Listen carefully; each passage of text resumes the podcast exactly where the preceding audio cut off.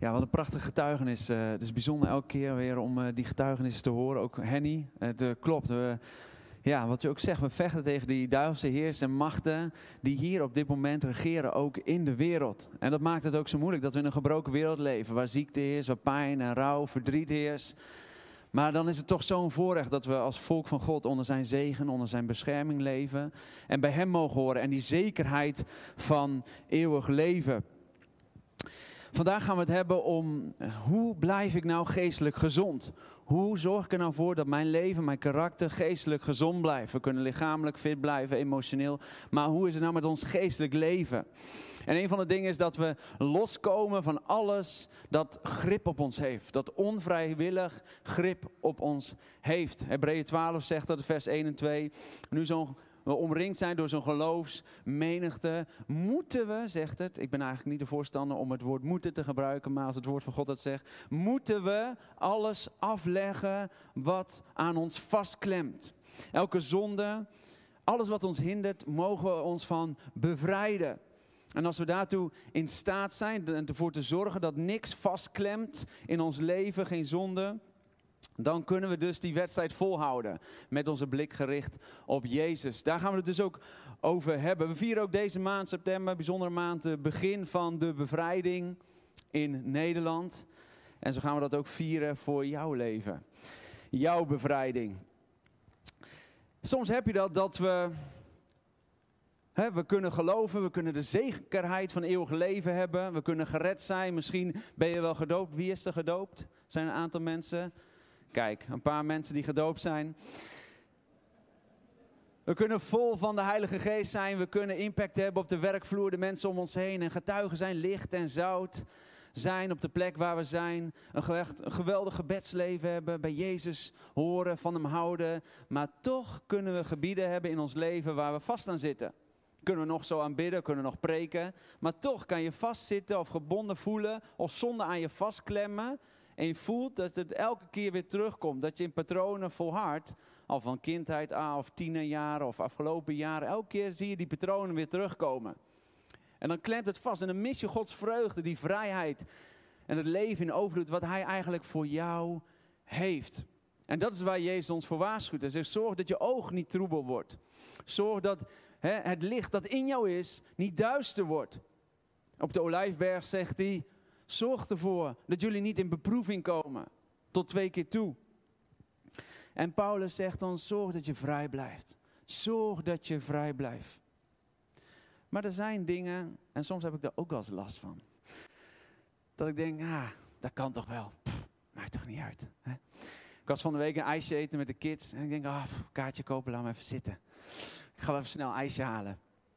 Ik ijs halen met de kinderen, er was nog een speelkindje bij. Kom jongens, rennen, rennen naar die ijs, uh, ijssalon. Wij een ijs halen. Ik denk, nou, koop geen kaartje, ben toch in twee minuten terug. En ik ben best behoorlijk snel, maar die handhaving was net iets sneller als mij. En dat was wel jammer. En ik zei, kinderen, blijf zitten. Ik moest rennen daarheen. Dus ik rende daarheen. Ik zag al foto's maken. Ik denk, oh nee, te laat hè. Ik zei, meneer, nee, sorry, sorry, sorry. Oh nee, helemaal vergeten. En, uh, helemaal vergeten, ik was niet vergeten natuurlijk, maar...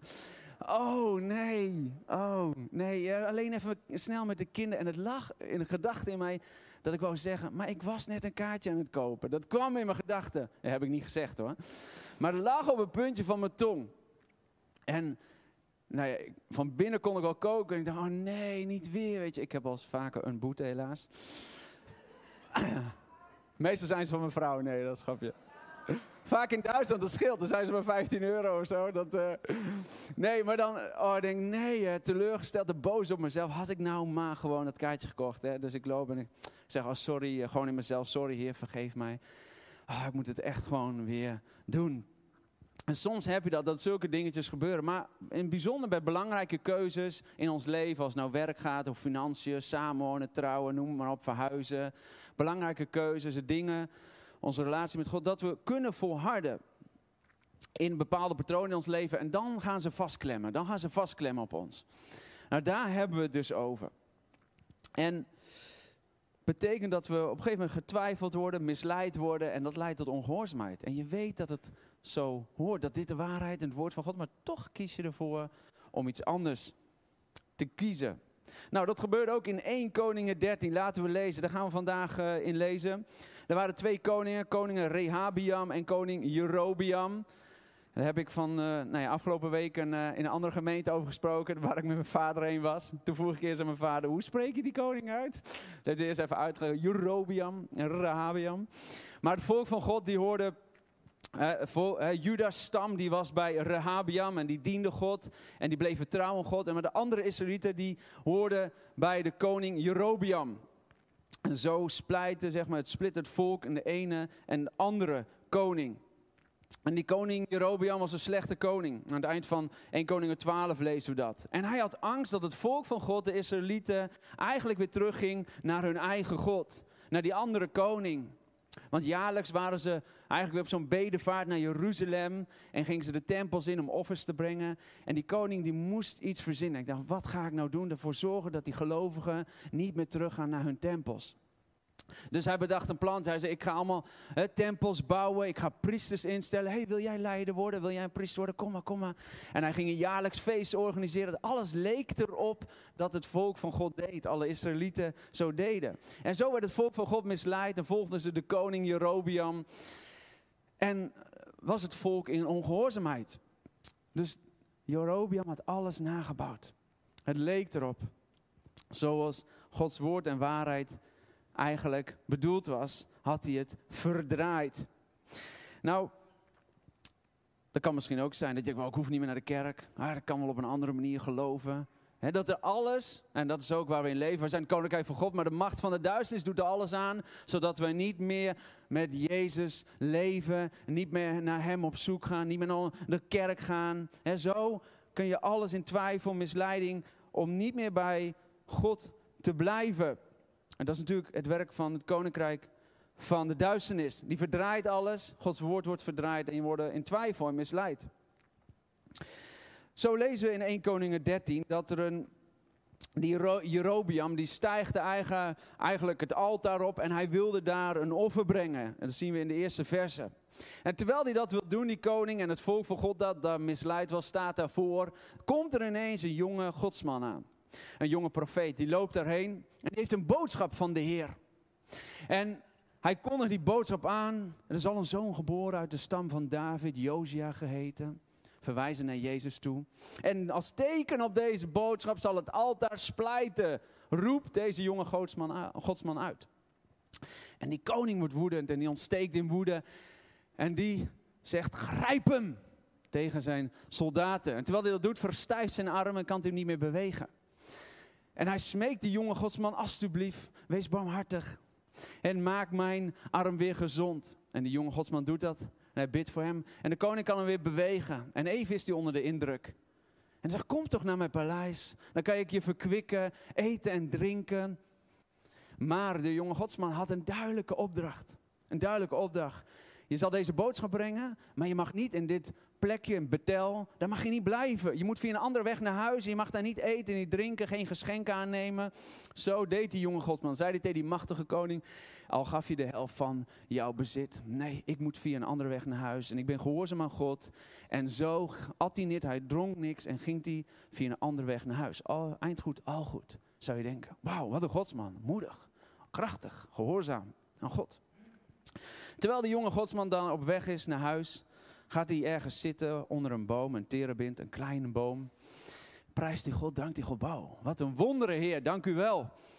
En dan hoort het hele, de stad Betel is een rep en roer. En een aantal jongens die komen thuis en vertellen dat aan hun vader. Zegt, papa heeft al gehoord wat er gebeurd is. Een jonge godsman heeft dit gezegd. En het altaar is gaan splijten. En, en dan hoort die vader dat en die blijkt een oude profeet te zijn. Al jaren leeft hij met God. Al 50 jaar in de schuilplaats. Heel lang leeft hij met God. Wat? Wat is dat? Dat gaan we niet doen. En die oude profeet, er gebeurt iets in zijn hart. En hij zegt, jongens, zadel maar eens op en ga erachteraan. Waar is die heen? Die kant, zeggen de zonen. Dus hij gaat er achteraan en hij komt die jonge godsman tegen. En hij zegt, ben jij die jonge godsman? Ja, dat ben ik. Zegt hij in vers 15. Kom toch mee met mij naar huis. Kom wat eten en drinken. Terwijl die oude profeet al lang had gehoord dat hij dat niet mocht doen. Nee, sorry, dat kan ik niet doen. De opdracht van de Heer was om niet te eten en te drinken en via een andere weg terug te gaan. Oh, de oude profeet dacht, dat werkt niet. En ineens heeft die oude profeet een goed idee. En daar lezen we in 1 Koningen 13, vers 18. Maar ik ben ook een profeet, net als u. En tegen mij heeft een engel een opdracht van de Heer gezegd: Neem hem terug mee naar je huis en laat hem wat eten en drinken. En zo loog hij hem voor. Hij loogde hem voor. En die jonge godsman is in verwarring en twijfel en denkt: Wat gebeurt er nu? Hij heeft iets gehoord van God. En die jonge godsman gaat met hem mee. Kun je het voorstellen? Zo, een oude profeet die ineens gebeurt er iets in zijn hart. Wordt hij jaloers of rivaliteit of boosheid. En hij liegt die jonge profeet voor. En die godsman verandert in een kwaadaardige, kwaadaardig, onbetrouwbare, wantrouwige man van God. En hij verliest de controle. En hij liegt diegene voor. Met alle consequenties van dien. En dat lezen we zo meteen. Maar ken je dat niet? Dat er misschien dingen gebeuren op je werkplek of waar je bent. En je denkt, dat is niet eerlijk. Dat kan niet. En voor je het weet verlies je de controle in je gedachten, je tong of je handelen. En je zegt dingen, je doet dingen in je gezin, thuis, op het werk. Die eigenlijk niet goed zijn. Dat je weet, dat kan ik eigenlijk niet doen. Maar toch roddel je, spreek je kwaad, lieg je, laat je toch jaloezie toe.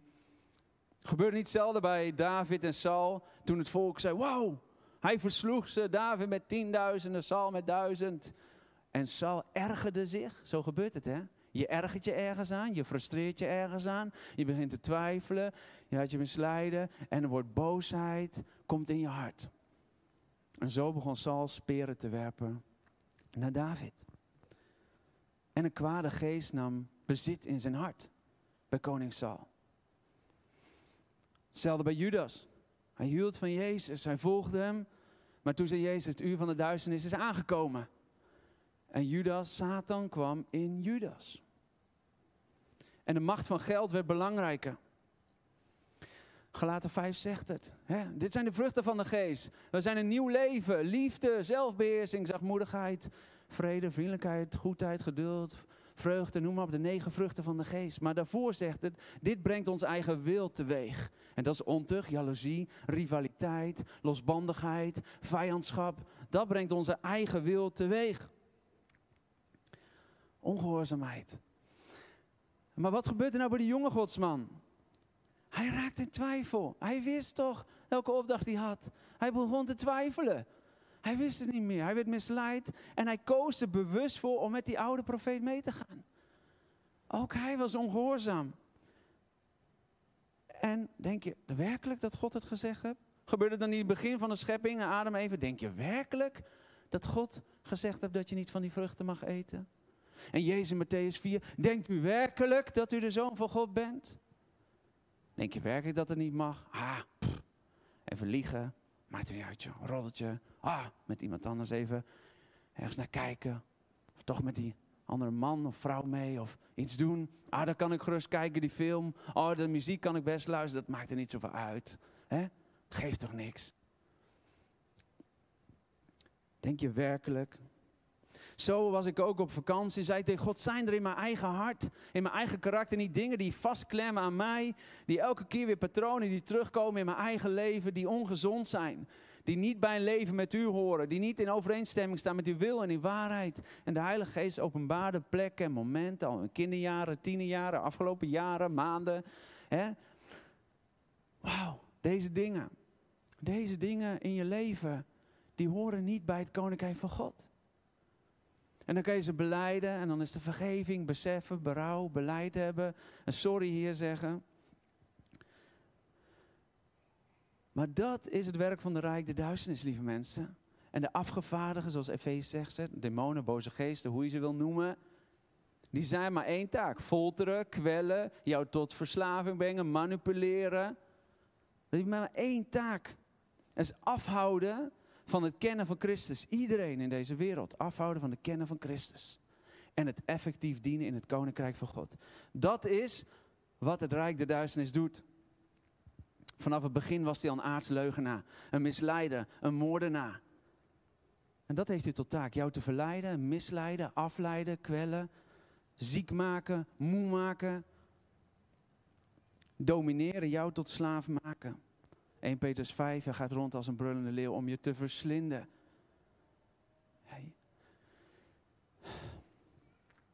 Om jou gebroken van hart te maken, jou eenzaam, in de steek gelaten, afgewezen te voelen. In het bijzonder op die kwetsbare momenten, als we langdurig thuis zitten. Als we moe zijn, als er rouw in ons gezin of familie gebeurt, zijn we kwetsbaar, waar we alleen en eenzaam in de steek gelaten voelen.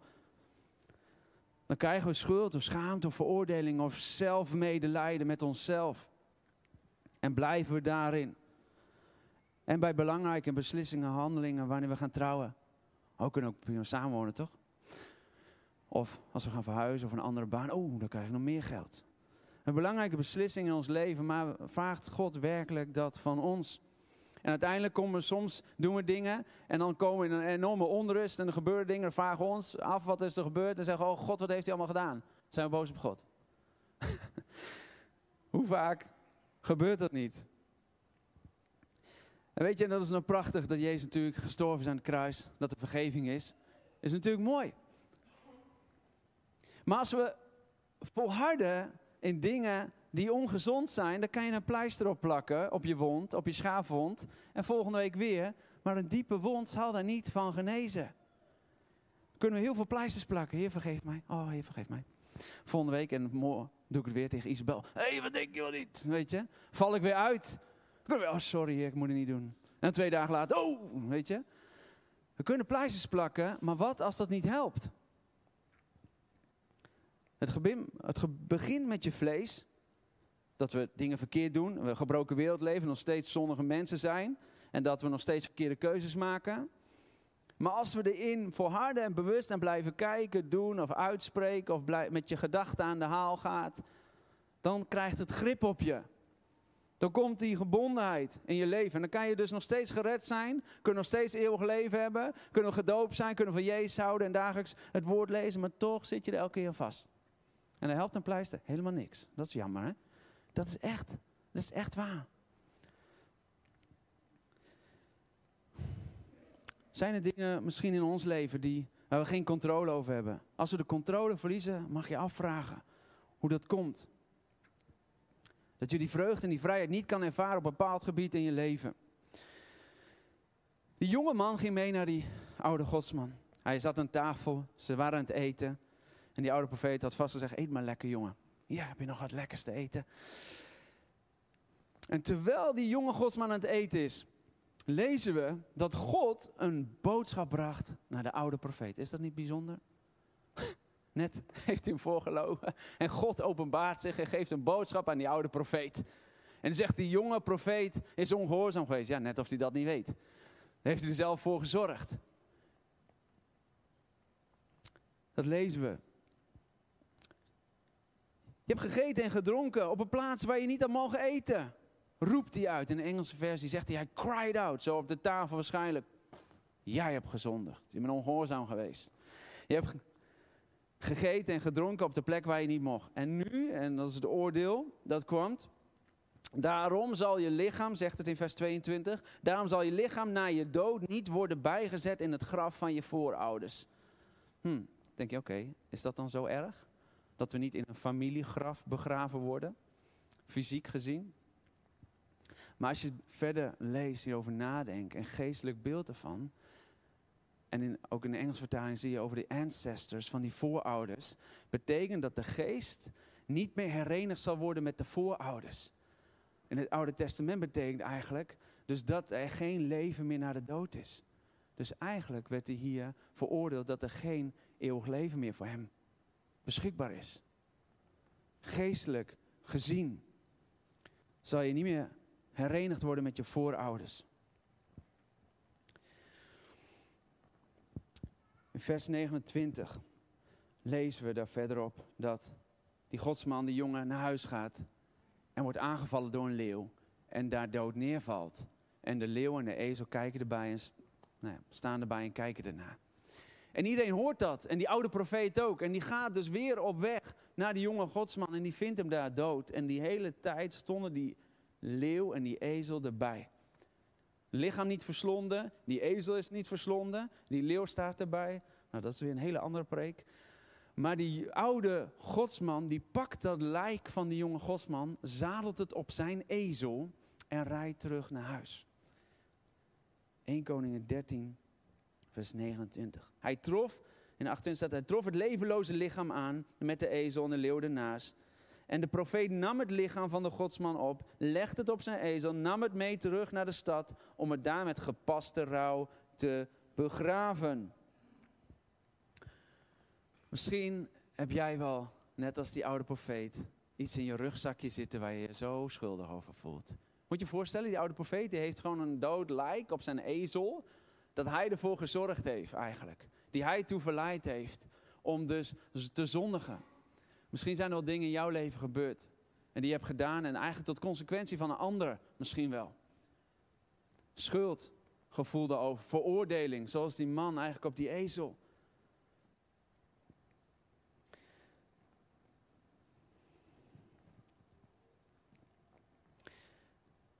En dan kunnen we berouw hebben, zoals deze tekst zegt. We kunnen berouw hebben, we kunnen rouwen.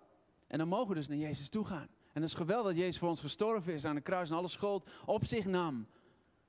En dan mogen we vergeving vragen, ja, berouw. Maar wat als die pleister niet helpt? Wat als de zonde toch aan ons vastklemt? Dan heb ik een ander antwoord voor je, waar ik de boodschap mee ga eindigen. Hij rouwde erover en hij begraafde het lichaam bij zijn eigen graf. Die oude profeet, die wist van het oordeel van God. En die zei tegen hem, tegen zijn zonen, laat het lichaam van deze jonge godsman begraven in mijn, lichaam, in mijn graf. En als ik sterf, leg mij daarnaast. Hij begraafde al zijn consequenties. Het oordeel, alles, de ongehoorzaamheid, de schuld, de schaamte, de veroordeling, graafde hij daar. Liet hij daar zitten. Jezus stierf voor elke schuld, voor elke ongehoorzaamheid. En dat is voor mij een verwijzing ook naar het oude profeet, naar Jezus toe, wat die oude profeet deed. En Jezus stierf, nam het oordeel van ons, elke ongehoorzaamheid, op zich en begroef. En liet het daar. Jezus stierf ervoor. Zaterdagavond zit ik met mijn vrouw op de bank. Zak chips te eten. Mevrouw dan. En ik, de chocola. Um, schijnt er, daadwerkelijk, schijnt er een zaklamp naar ons naar binnen. Ik denk, wat is dit? Toen besefte ik, oh ja, we doen de bel altijd eruit. Dat klopt, op in het weekend, s'avonds. Zodat niemand wakker wordt en niet gestoord worden. En ik denk, wat is dit? Ik loop naar die deur. En wat denk je? Engel van God? Yeshua? Nee, nou ja, de handhaving. Meneer, misschien kent u mij nog. Oh ja, ja, ja ik ken u nog wel. Ja, u had mij een, uh, ja, een boete geschreven. Ja, dat klopt. Um, ik uh, wil iets zeggen. Oké, wat dan? Ik denk hij gaat schrijven. Oh, mooi. Ik heb gisteren de hele nacht niet kunnen slapen. Ik zei, oh, dat is ook vervelend. Ja, ik vond het zo zielig en ik, ik ben hier op mijn scootertje, hij heeft zijn adres opgezocht waar ik woonde. En ik wil zeggen, elke schuld is betaald, zegt hij. Oh, wauw. elke schuld is betaald. Ik zeg, wat zeg je? Ja, je hoeft niet betalen. Geen zorgen. Betaald. Klaar, geen schuld. Oké, okay, wauw. Dus ik eh, echt zo'n vreugde in mijn hart. Wat is dit? Wat? Echt? Ik zeg, Isabel, de, handhaving. En we hoeven niks te betalen. Jeetje. Wauw. En ik, ik, sta erbij en ik denk, wat is dit? Denk, heer, wat geweldig. En toen wist ik, dit is de boodschap voor zondag. Elke schuld is betaald. Hoe mooi is dat? En ik vergeet het nooit meer. Amen. Als schuld aanklopt bij jou, veroordeling of oordeel aan jouw hart en jouw gedachten, dan mag je weten dat Jezus betaald heeft aan het kruis. En de oude profeet, die begraafde het als verwijzing naar Jezus. In 61, Isaiah 61 zegt het al. Jezus kwam om de gebroken harten te troosten. Om degenen die gevangen zitten. Vrijlating uit te roepen. De mensen die opgesloten zitten te bevrijden. Als jij voelt dat zonde aan je klemt. Als je voelt dat je gefolterd, lastig gevallen wordt. Met wat het ook is. Met moeheid. Met leugens, met roddel, met jaloezie, met trots, met hoogmoedigheid. Ontucht, overspel, wat het ook is. Dan mag je weten dat Jezus niet alleen gestorven is. Maar hij is de duisternis ingegaan. Amen. Hij ging de duisternis in. Hij ging daarheen om de sleutels van het dodenrijk te pakken. En elke macht van de duisternis te overwinnen. Voor jouw leven. Niet alleen voor vergeving, maar hij ging het graf in. En Johannes 1 zegt, in het begin was het woord. En de duisternis heeft hij niet in een macht kunnen krijgen. Amen. En de sleutels van het koninkrijk van de hemel zijn voor jullie. Dus je mag niet alleen besef en berouw hebben, jezelf van bekeren, zeggen sorry Heer en een pleister opplakken. Maar je mag je ook bevrijden van elke duisternis en alle gedachten in jou die je vastklemmen aan jouw leven. En alleen dan kunnen we geestelijk ook gezond zijn. Als we uitroepen en onze blik op Jezus richten en roepen voor bevrijding. En die bevrijding en die vrijheid kan jij claimen. En jij en ik zijn deel van die overwinning. En daarmee wil ik deze boodschap eindigen. En daarmee wil ik samen met jullie gaan bidden. Misschien kan een band komen en zullen. Kun je je ogen sluiten, gaan we samen hiervoor bidden. En onze blik op Jezus richten. En misschien voel je je aangesproken deze ochtend. Op dingen die jou lastig vallen, waar jij gekweld door wordt, waar jij elke keer weer door gefolterd wordt en je voelt dat je het maar niet van je af kan schudden, dan wil ik voor je bidden. Maar vooral wil ik je aanmoedigen om naar Jezus zelf toe te gaan. Zeg, Heer, dank u voor vergeving. Dank u voor eeuwig leven. En maar dank u ook voor bevrijding. Dat u de duisternis in bent gegaan. En dat ik alles kan begraven met u. Heer, zo wil ik bidden voor iedereen op dit moment die hier is. Heer, dat ze elke duisternis, elke gedachte, elke handeling, elke, elk woord dat ze gesproken hebben, dat duister is, dat niet hoort bij het koninkrijk van God, dat ze dat in het graf mogen laten, daar waar u heen bent gegaan. Elke oordeel, alles van hun oude leven mogen afleggen en in het graf bij Jezus mogen laten. Heer, we bidden voor ieder die zich veroordeeld voelt, schuldig voelt. En misschien ben je wel bewust achteraan gezeten omdat je je niet waardig voelt. Maar Jezus komt naar jou toe om te zeggen, je bent heilig, je bent mijn kind, je bent rein, je bent vergeven, je bent vrij. Vrij van elke schuld, van elke oordeel. Misschien rent het oordeel jou achterna. En probeer jij te ontvluchten, elke schuldgevoel, elke schaamte. Dan mag je naar Jezus toe rennen. Zeg, Heer, u ben ik bevrijd u mij. Heer, vergeeft u mij niet alleen, maar bevrijd mij. Bevrijd me van elke geest, Heer, die mij lastig valt. Elke kwade, boze geest die mij probeert te folteren en klein probeert te maken. Probeert dat ik me voel dat ik afgewezen ben. Dat ik elke keer weer zelf medelijden heb. Dat ik elke keer weer, Heer, in hetzelfde patroon val. Heer, ik zegen iedereen met de waarheid van God. Elke duisternis aan het licht mag komen, maar u alles op zich heeft genomen.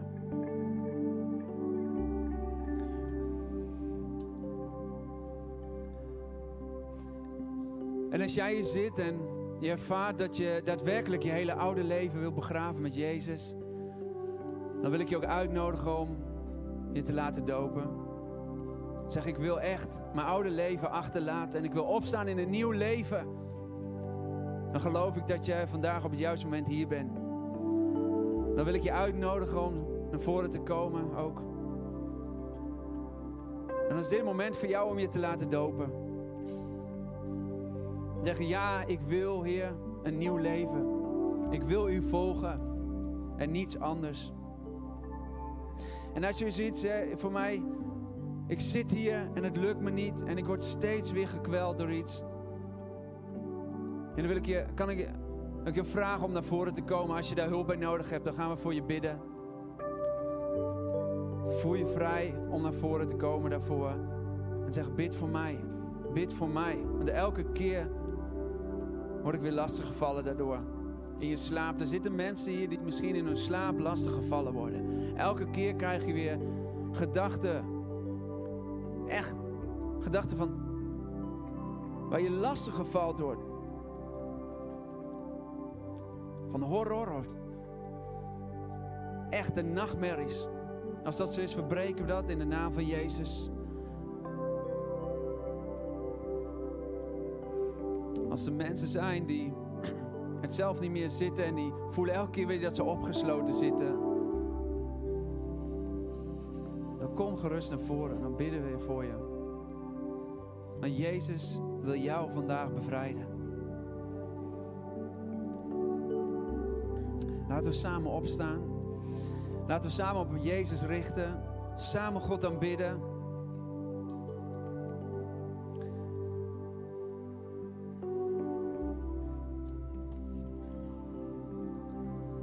En schroom niet. Kom gerust naar voren. Kom gerust naar voren voor gebed. Kom gerust naar voren als jij hier, als je verder wil in je nieuwe leven. Als jij voelt dat dit iets is wat God jou roept.